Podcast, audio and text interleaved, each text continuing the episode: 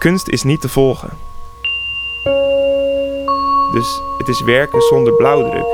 Alles kan, alles mag. Kunst is voor mij iets wat je niet moet volgen. Maar gewoon alleen maar zelf moet doen. Ik ben Dirk Muller, 24 jaar jong en sinds kort afgestudeerd aan de Fine Art opleiding van Artis Arnhem.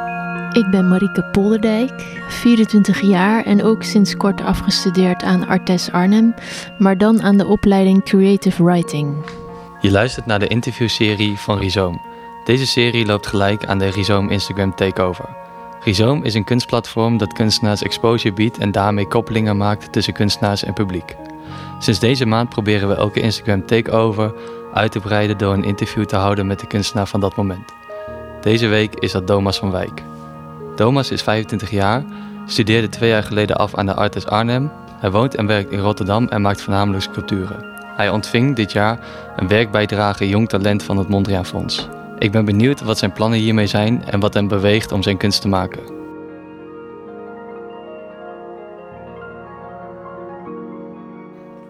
Ja, Thomas.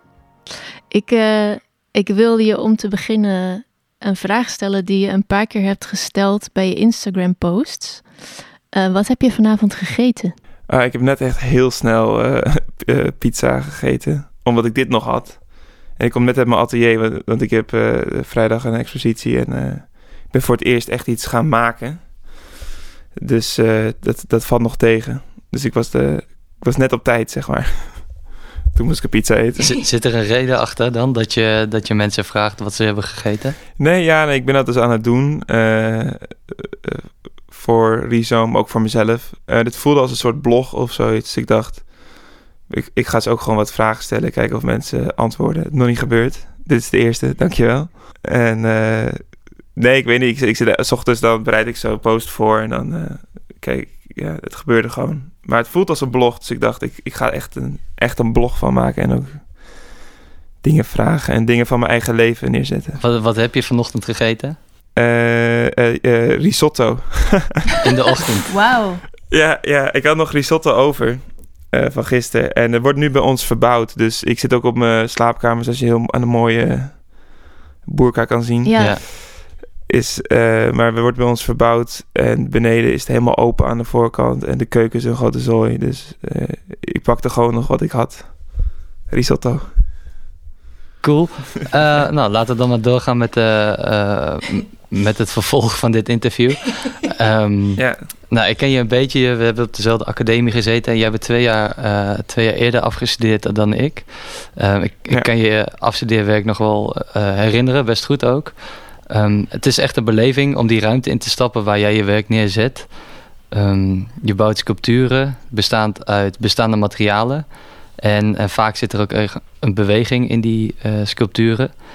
Um, ja. het, het, klinkt als een beetje een, een, platte toelichting van jouw werk. maar uh, waarom gebruik je bestaande materialen? Ja, ik, ik, ik maak dus uh, installaties kleine nuance op je sculpturen, maar dat, dat maakt verder niet uit. Waarom ik, waarom ik dat gebruik? Um, dan moet ik teruggaan naar het begin. Ik had ooit volgens mij een, printer en die deed nooit wat ik wilde. was in de derde of zoiets. Het is een printer en dan het had geen kabeltje meer bij, alleen nog maar internet. En uh, die deed het, het niet en dat vond ik super stom. En ik snap helemaal niks van techniek, dus ik probeer dat dan ook te maken, maar dat lukte helemaal niet. En toen dacht ik, nu, nu ga jij voor mij uh, werken. En toen heb ik een tandenborstel van die printer gemaakt. Dus op die inject printer die heen en weer ging, had ik toen een tandenborstel gezet. En toen maakte hij dan mijn tanden schoon. Maar ik vond het toen een soort, uh, ik, ik verwoordde het toen een beetje dramatisch, maar een soort van terugclaiming van abstractie, dingen die ik niet begrijp. En ik vond het zo leuk dat ik gewoon verder ben gegaan. En uh, een, een, andere reden is ook dat, dat ik. Ehm, bijvoorbeeld, dat kan jij zelf ook misschien wel herinneren, Dirk. In de eerste of in de tweede, dan staat er zo'n enorme container. En dan gooit iedereen zijn werk weg. Ja, ja, ja. Dat, ja, ja, ja. En dat vond ik altijd zo raar. Dus, en ook niet echt helemaal, uh, niet helemaal duurzaam of zoiets. Dan maken we van alles nieuw, van klei en van hout. En dan flikkeren we het allemaal weg. Dus ik dacht, ik ga gewoon meer een soort systeem maken dat ik gewoon uh, machines koop zodat ik die af en toe kan inzetten. Dus ook als ik één installatie maak, dan zit dan de helft in van een andere installatie. En zo gaat het voor altijd door. Dus het is eigenlijk een soort van um, eindeloze, uh, ja, hoe noem je dat? Routine. Zodat ik nooit echt iets zelf meer hoef te maken.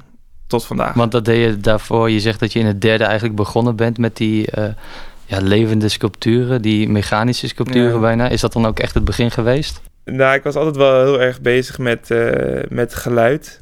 En, uh, maar toen veel conceptueler. Dus um, om een voorbeeld te noemen, wat ik dan wel een leuk werk van mezelf vind, is dat ik 100 euro had verbrand. Dat was in de eerste volgens mij. Nee, het zou het tweede kunnen zijn, maar uh, je 100 euro verbrand. Spijt van nu? nee, nee, het, nee, nee, het was een superwerk. Het heb het geluid daarvan opgenomen. En dan kon je het geluid zeg maar beluisteren. En je hoorde natuurlijk helemaal niks. Want dat maakt niet echt heel veel, heel veel geluid. Je hoorde meer een trein die op de achtergrond uh, voorbij kwam. Maar ik heb het wel gedaan. Maar dat was dus veel meer van de conceptuele aard. Maar wel altijd met geluid bezig geweest.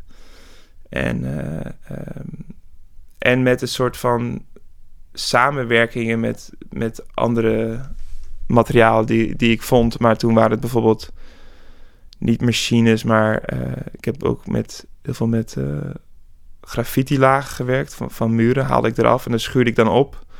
En dan kreeg je eens uh, bizarre tekeningen te zien. Maar het ging mij altijd om dat een gedeelte ik niet in de hand had. En die machines die nemen dat dan gelijk over voor een gedeelte. Dus dat, dus dat ik niet helemaal de controle had. Ja. Waardoor ze ook eigenlijk een eigen leven gaan leiden. Ja, ze, ze leven sowieso een eigen leven voor mij, omdat ik ze dus niet helemaal in, uh, in de hand heb. Ik, ik snap niet altijd helemaal wat ik doe en dat, dat, dat is heel erg mijn voordeel. Maar ik moet ook bekennen dat ik, als je zo, ben nu al een tijdje bezig met die machines en dan op een gegeven moment dan word je, ja, of je nou wil of niet, dan word je vanzelf een beetje technisch. Dus dat, dat, dat animisme, dat probeer ik nu wel echt uh, op te zoeken. Dus uh, ja, klopt. Ja, er is ook een uh, quote voorbij gekomen op je Instagram waar ook geluid in zat. the piano ja. doesn't murder the player if it doesn't like his music. uit een serie. Ja. Kun je uitleggen wat ehm, deze quote voor jou betekent, ook in relatie tot je werk? Ja, het, het is van Westworld, HBO-serie. Um, die quote. Ik kan het proberen te rationaliseren, maar ik, ik, ik hoorde hem gewoon en toen vond ik hem wel heel sterk. En ik, als ik hem. Dat was meer een gevoel, maar als ik over nadenk, dan. dan uh, je hebt er eigenlijk drie facettes. Dus je hebt de, de, de, de piano, de pianist en de muziek. Dus je hebt het, de tool, en, en, en, en, en de gebruiker van die tool en het product wat eruit komt. Wat altijd met mijn werk, ik, ben er altijd, de, de, tool is er altijd en het produceert ook vaak iets. En dan vind ik het mooi hoe die zin met die drie omgaat. Uh, niet zoals wij dat kennen, want nu opeens vermoordt de piano, heeft opeens moordcapaciteit uh, uh, en ook, ook morele capaciteit. En dat vind ik mooi. Dat is ook een beetje dat animisme komt weer terug. En ook dat de, dat de machine bijna macht heeft over zijn speler. En dan kom je weer terug bij het controle verliezen. Ja, en ik heb ook um, ergens gelezen dat uh, de bezoeker van je eindexamenwerk, um, dat dat, uh, die bezoeker dat hij een ervaring kreeg in jouw installatie die vergelijkbaar was met een ervaring in de natuur. Uh, kun je dat uitleggen? Ja, ik ben er wel op de hand een beetje van afgestapt. Maar uh, vroeger vergeleek ik het altijd met natuur, omdat ik de natuur heel mooi vind en uh, interessant. Maar, dat ik, maar ik had nooit. Ik wist niet wat het. Uh, wat het, hoe het werkte, zeg maar. Als je, als je een boom ziet, dan vind je een boom gewoon heel erg mooi. Althans, ik, ik vind een boom mooi. Ik vind alleen. Er zit een heel systeem achter zo'n boom, weet je wel. Met. met nou, je weet een biologisch systeem, maar dat, dat zie je niet. En volgens mij ging het er toen over dat mensen mijn installatie niet begrepen. En dat ik toen zei: Ja, maar dat maakt toch helemaal niet uit. Als je het mooi vindt, dan is het gewoon mooi. En als je het niet snapt, je vindt een boom toch ook mooi? Dus zo. Ja, en, en over dingen gesproken die ik dan heel erg mooi vond. Um, een, een van jouw posts op Rhizome Instagram is een, is een werk met uh, TL-balken. En die liggen eigenlijk als een soort van ja, zon om elkaar heen, een soort van cirkel. Um, en, en daar overheen zweeft een Tesla-bol, dus zo'n bol die elektriciteit geeft, waar je hand op kan leggen en dat je dan die elektriciteit ziet. En een föhn, dus, dus die föhn die blaast die bol in de ronde over die TL-balken. ik was heel erg benieuwd. Hoe ontstaat dat werk precies? Ja, eh, dat werk is ontstaan in Overessency in Duitsland. En uh, daar kwam ik eigenlijk toevallig achter. Ik weet, ik, ik had die ballen gekocht, want ik, ik, voorheen kocht ik gewoon van alles wat ik dacht van hier kan ik wel iets mee. En die ballen vond ik altijd wel te gek. Die vond ik vroeger al te gek. Dus ik zat toen in een residentie en toen had ik alle TL's dat ik daar vervangen. Ik had het hele plafond eigenlijk opgeknapt, want die residentiekamer was echt verschrikkelijk. die had ik helemaal mooi gemaakt. En ehm, toen was ik eens aan het spelen met die ballen en toen kwam ik er dus achter dat dat gebeurde. Ik had gewoon zo'n TL vast en de, wat ik doe al vaker dingen met TL's. En toen zag ik, uh, toen zag ik dat. En uh, ik heb het niet uitgevonden, want toen ik het opzocht, toen merkte ik dat heel YouTube er ook uh, vol van staat. Alleen toen dacht ik, ah ja, nou, hier, hier kan ik wel eens mee. En toen ik in Duitsland heb ik hem gemaakt op een platenspeler. Dat heet het zo rondjes draaien op een plaat spelen. En toen later, wat jij hebt gezien, was... moest ik een uh, werk maken... of was, had een vriend van mij gevraagd of ik een clip wil maken voor hem. Voor zijn band. En hij had nog, hij had nog wel een mooie plek. En dat was een anti, anti-kraak gebouw, wat jullie ook zagen.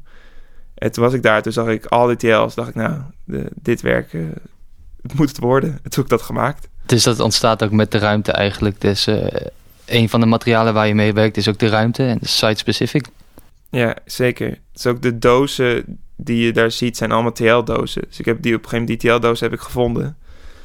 Uh, ja, ik vind Site Pacific heel belangrijk uh, uh, in mijn werk, om echt te werken met de ruimte. Dit was dan een werk wat ik van jou zag met, met licht. Inderdaad, dat je ook speelt met dat licht. En ik ben heel gewend van jouw werk dat het veel om geluid gaat. Zie je dat zelf ook als een soort van verschil? Dat je nu met licht aan het werk was en, en voorheen met, met geluid? Ja, het geluid doe ik. Ik blijf geluid maken omdat ik beweging maak. En geluid is beweging. Dus het, alleen eerst was het geluid heel erg leidend. En uh, nu niet meer. Nu ben ik veel meer op die beweging uh, uh, gaan zitten.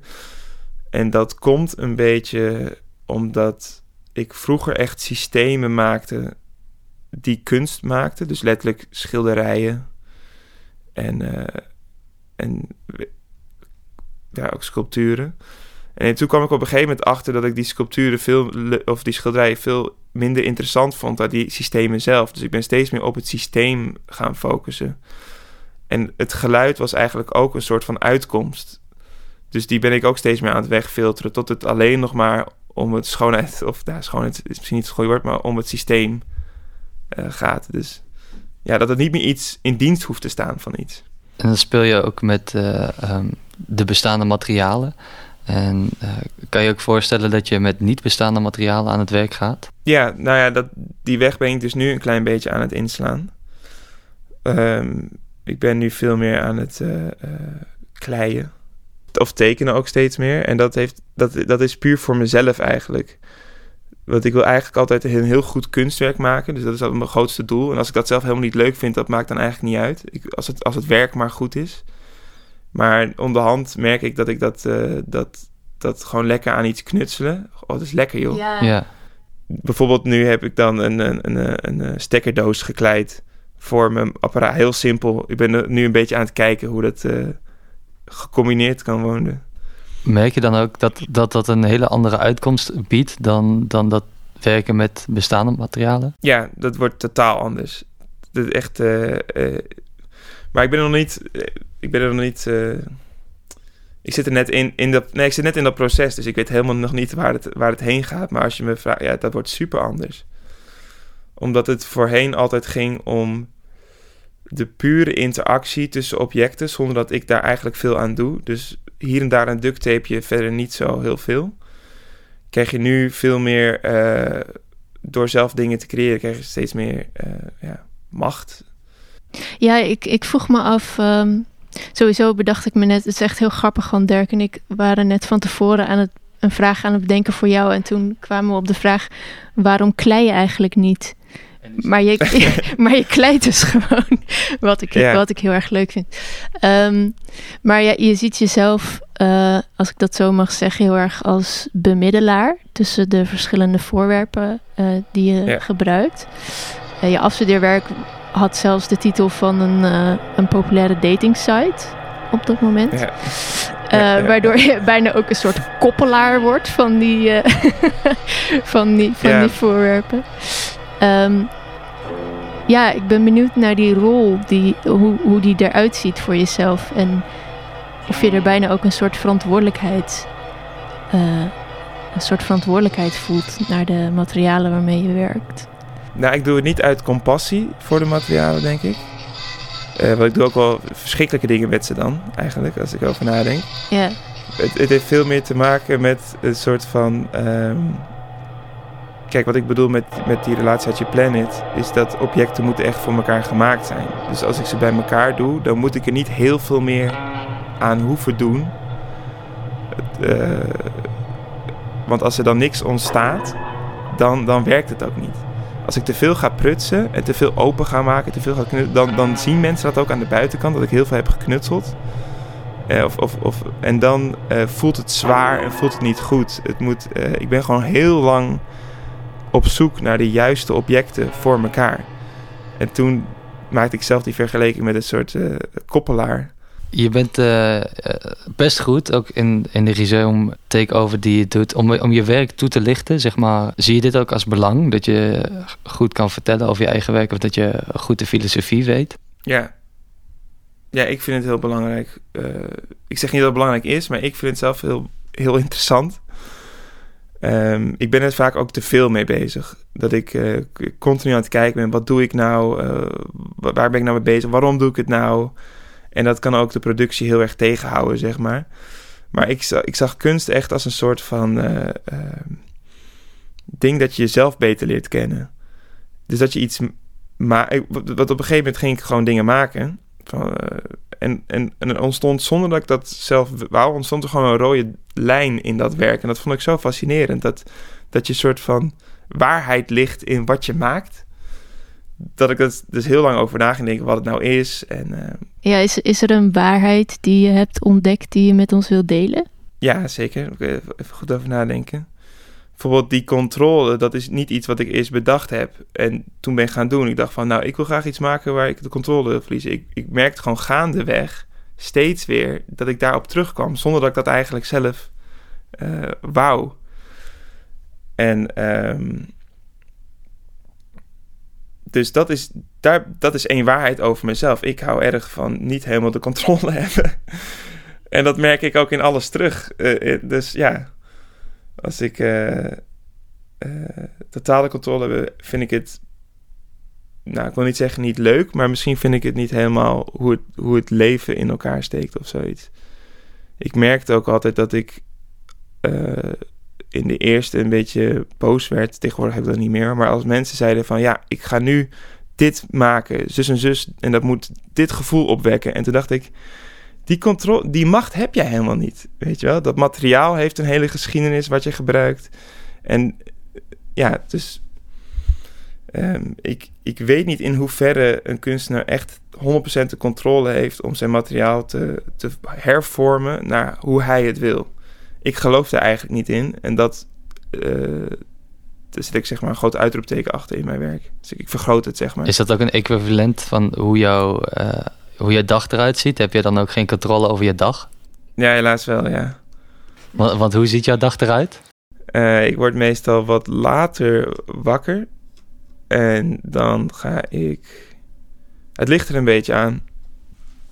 Wat, wat eigenlijk wordt nu mijn hele ritme bepaald door, door uh, exposities en projecten die ik heb. Maar zodra die dan wegvallen, dan weet ik soms ook niet even helemaal niet meer goed wat ik met mezelf aan moet. Maar het liefst ga ik naar mijn atelier en dan ga ik gewoon daar niksen.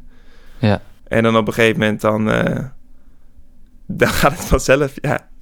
Dan liggen daar drie vibrators op je te wachten om een werk te maken. Nou, wel, wel meer. Wel twintig. en niet alleen... Ja. Ik heb, ik heb heel, veel, heel veel van dat soort spul, ja. Oké, nou goed om te weten, want je hebt ook een filmpje gepost op, je, op de Rhizome Takeover. Uh, we zagen daar drie mannequinhoofden, ja, van die, van die poppenhoofden, uh, op verschillende vibrators. Uh, ja. Ik vond het zelf een heel interessant werk. In de beschrijving stond dat, je, dat de Ritalin erg zwaar op de maag viel. de conclusie dus, je gebruikt Ritalin? Ja, ik, ik, ik heb dat jaren gebruikt en nu begin ik er weer aan. En dat is zeg maar waardoor het zo zwaar valt. En waarvoor gebruik je dat? Uh, oh ja, ik, ik, gebruik het al van uh, zo jong, dat weet ik niet. Maar voor mijn ADD gok ik dat het ooit bedoeld was. En, uh, want wat heeft dat ook uitwerking in je werk? Van Ritalin ben je niet heel erg creatief. Dus ik, ik gebruik geen Ritalin als ik iets moet bedenken. Of als ik, of als, als ik aan het fantaseren ben of zoiets. Als ik in dat proces zit. Maar op een gegeven moment moet het gemaakt worden. En dan is het echt top. Dus je bedenkt het dan, er zit echt, dat is echt een fase van twee, eh, twee verschillende dingen. Het bedenken en dan het maken? Nee, eigenlijk helemaal niet. Nee, hoe ik dingen maak, dat, ik noem het vaak uh, reversed, uh, zeg maar omgedraaid conceptueel, gewoon even het woord kwijt. Conceptualism. In het Engels, ook goed. Dus wat je ook heel erg zag op de academie, is dat er heel weinig werd gemaakt. En, en ik heb daar eigenlijk mijn eigen theorie voor bedacht. Dat komt dat iedereen denkt dat ze eerst het hele kunstwerk moeten bedenken voordat ze het gaan maken. En dus iedereen maar denken, nee, oh, is niet goed, nee, ik weet niet. Uh, en dan wordt helemaal niks gemaakt. En uh, ik ben op een gegeven moment achtergekomen dat je eerst maar weet bij te kan maken en dat daar al waarheid in zit, zoals ik al eerder al, al zei. Dat je helemaal niet hoeft na te denken, dat je beter kan analyseren wat je al gedaan heeft. Dus, wat, dus iedereen heeft zijn interesses natuurlijk. Ik ook. En binnen die interesses verzamel ik materiaal. Of binnen een bepaald onderzoek wat ik dan met verzamel ik materiaal. En dan ga ik met dat materiaal ga ik letterlijk in mijn atelier zitten. Ga ik van alles mee doen. Totdat ik een soort uitvinding heb gedaan. Dat is dus een, een onverwachts effect wat ontstaat tussen de interactie tussen meerdere of twee uh, objecten. En dat effect, daarvan ga ik een kunstwerk maken en daarna ga ik pas lullen erover. Eh, daarna ga ik het analyseren en dan pas vorm ik eigenlijk een soort ja, conceptuele bagage voor de, dat ding wat ik dan gemaakt heb. Dus ik draai het om.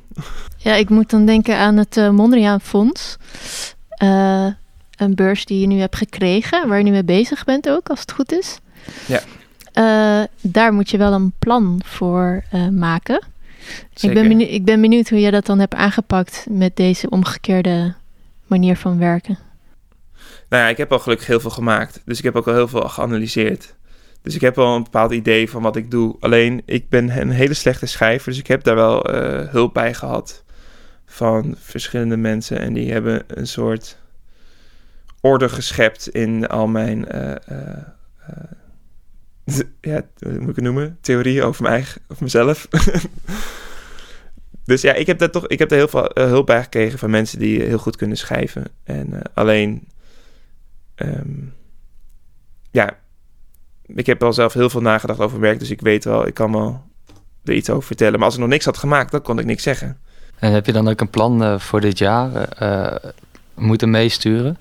Ja, je moet een plan maken ik heb wel aan het einde van mijn plan gezet: dit is eigenlijk mijn plan voor de komende tien jaar. Dus daarbij geef ik mezelf een soort speling.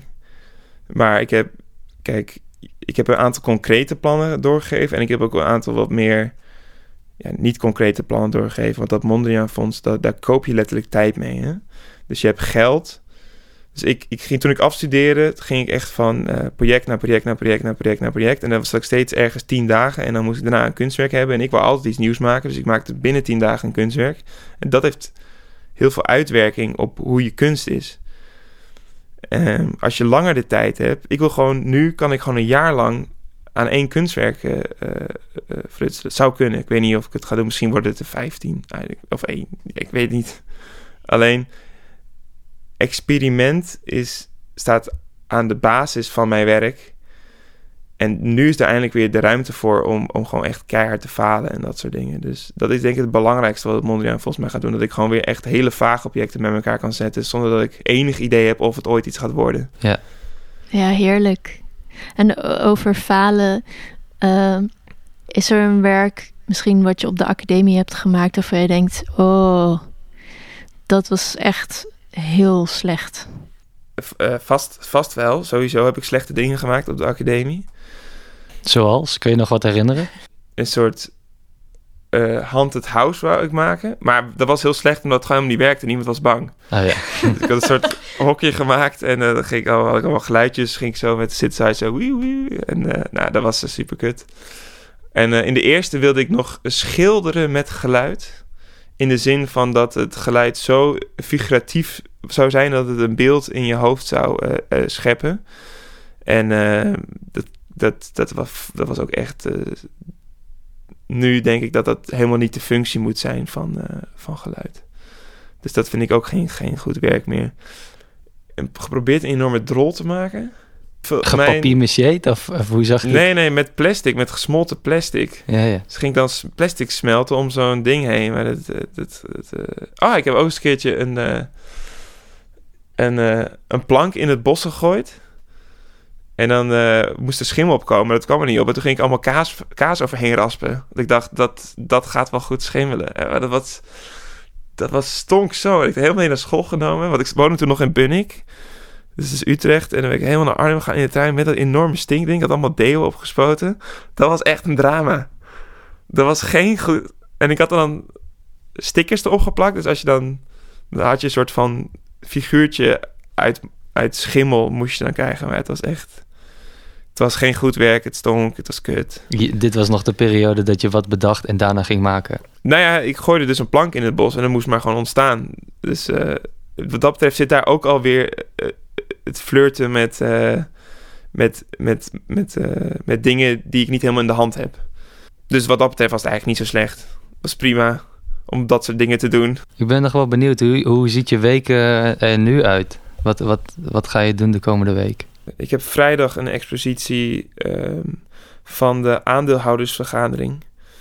Dat is een uh, initiatief dat eigenlijk opkomt voor de, de, positie van de kunstenaar, omdat hij zo slecht, zo slecht ervoor staat, zeg maar, de kunstenaar. Als je kijkt naar het nieuws en zo, dan zijn we gewoon uh, uh, geldtrekkers, subsidietrekkers en dat soort dingen. En daarom is die in het, ja, in het leven geroepen. En dat is een hele activistische groep. En ik ben er ook voor gevraagd. Dat vond ik heel grappig, want ik ben helemaal niet activistisch. Ik moest dus een statement maken waarom ik kunst waardevol vind. En dan moest ik er werk mee maken. Dus dat ben ik nu heel snel nog aan het doen. Het is echt kielen kielen en dan komt het af. En waarom is kunst waardevol? Uh, ik heb één... Mijn statement is één zin. Want ik dacht, mijn statement moet ook niet een hele labtekst zijn. Een statement moet gewoon één vette zin zijn. Dus mijn zin is... Uh, even nadenken. Oh ja, kunst, uh, kunst is niet te volgen. Dat is, uh, dat is mijn statement. En dat correspondeert dan heel erg met het werk wat ik maak. Kunst niet te volgen heeft een beetje te maken met. Um, je kan het op drie manieren interpreteren. Op de manier dat. Um, dat je kunst niet begrijpt. Of dat je. Uh, dat is iets wat, wat mijn ouders heel erg hebben. Dus ik wil heel graag dat mijn ouders mijn werk heel graag heel goed vinden. Dus voor mij was dat een soort die kloof die er is tussen, tussen de mensen. En waarom ze onze subsidietrekkers vinden, is eigenlijk een beetje. Dat hoor ik ze tenminste altijd zeggen. En dat ze er geen snars van begrijpen. Dus ik vond dat mooi om dat terug mee te nemen in mijn statement. Uh, je hebt ook letterlijk volgen van kunst. Tegenwoordig, ik bedoel, Rhizome, kijk maar. Volgen heeft een hele andere betekenis gekregen de laatste tijd. Het is heel goed als je heel veel volgers uh, uh, hebt. Dus vond het ook leuk om dat mee te nemen. En voor mij betekent kunst niet te volgen. Ik vind het eh, belangrijk voor mezelf. Ik ben kunst gaan doen omdat het een, een, eh, een, een, vorm is van, van, van, van kunst, van uiting. Waarbij je niet hoeft te conformeren aan iets. Dus het is werken zonder blauwdruk. Alles kan, alles mag. En uh, dat zie je niet veel terug meer in andere uh, niet disciplines, maar gewoon andere beroepen of andere takken. Iedereen werkt binnen een bepaald grid. En bij kunst heb ik het idee dat kan je nog echt helemaal vrij zijn. Maar ik merk ook dat er een enorme verkapitalisering is van kunst, waardoor we toch een soort van steeds dezelfde dingen zien terugkomen, zowel in materiaal. Hè? Bepaalde materialen zijn gewoon eenmaal heel populair. En ook in, in, in, in gedachten, of zeg dat, in thematieken. Sommige thematieken zijn heel populair. Dus, dus, dus die vrijheid die ik zo belangrijk vind in kunst, die persoonlijke vrijheid, die zie ik, had ik heel erg op de academie. En nu ik buiten de academie ben, is, ja, uh, erger ik me daar soms een beetje aan, aan die, uh, aan die eenzijdigheid van, van, van, van kunst. En daarom had ik kunst is niet te volgen. Dus het is, het is, kunst is voor mij iets wat je niet moet volgen. Maar gewoon alleen maar zelf moet doen. Ja, dit is echt heel erg meta. Want uh, je bent zelf ook eventjes wat minder goed te volgen door de uh, slechte verbinding. ik vind dat je, ga ik nog een keer zeggen, ik vind dat je als kunstenaar en ook als curator moet je een beetje die vrijheid bewaken. En moet je een soort divers iets aanbieden. En als kunstenaar moet je gewoon jezelf blijven volgen en niet ingeven aan die populaire uh, uh, dingen die toch wel heel goed werken als je ze doet. Maar je moet gewoon uh, ja, jezelf blijven volgen. En dan het werk dat ik erbij maak is keramiek gekleid mijn Instagram HTML. Oh, dat laatste konden we ook niet meer volgen. Kun je dat nog één keer herhalen? Uh, dus, dus bij die zin, staat zo op de muur, staat zo kunst niet te volgen. Het werk van mij is uh, uh, van keramiek gekleid mijn Instagram HTML. Dus je kan me letterlijk volgen als je het intypt. En wat mij betreft is dat ook een van de nu meest populaire dingen die je ziet. Keramiek gekleide, beetje slecht expres, weet je wel, niet te goed. En dan met zo'n goede... Nee, nee, dat het goed is dan... Dan dus, dus dat heb ik gekleid. En er is ook nog een film van mij te zien. En nog een werk. Jezus. Krijgen we dat te, te zien op de Rhizome Instagram? De video komt misschien helemaal op het einde. Want dat is mijn meest recente werk van een appelboom. Ah, ja, met de drumstel eronder? Ja. De drumsolo, ja. ja. Heel gaaf. Zes uur durende drumsolo van een appelboom. Ja, ja. En, en zit er dan ook geluid bij? Ja, er zit geluid bij, ja. Want je hoort een kippetje, en je hoort een vogeltje, en je hoort uh, een ratje, denk ik, wat dat is, of een eekhoorn.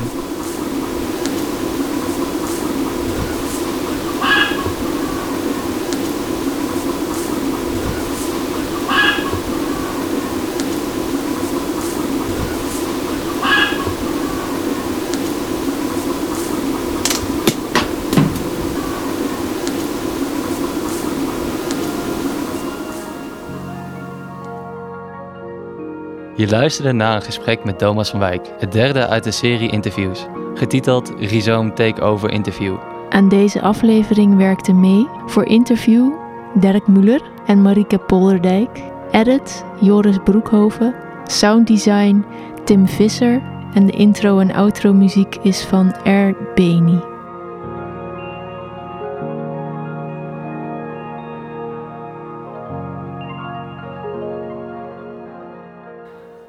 Nee, dat is niet leuk.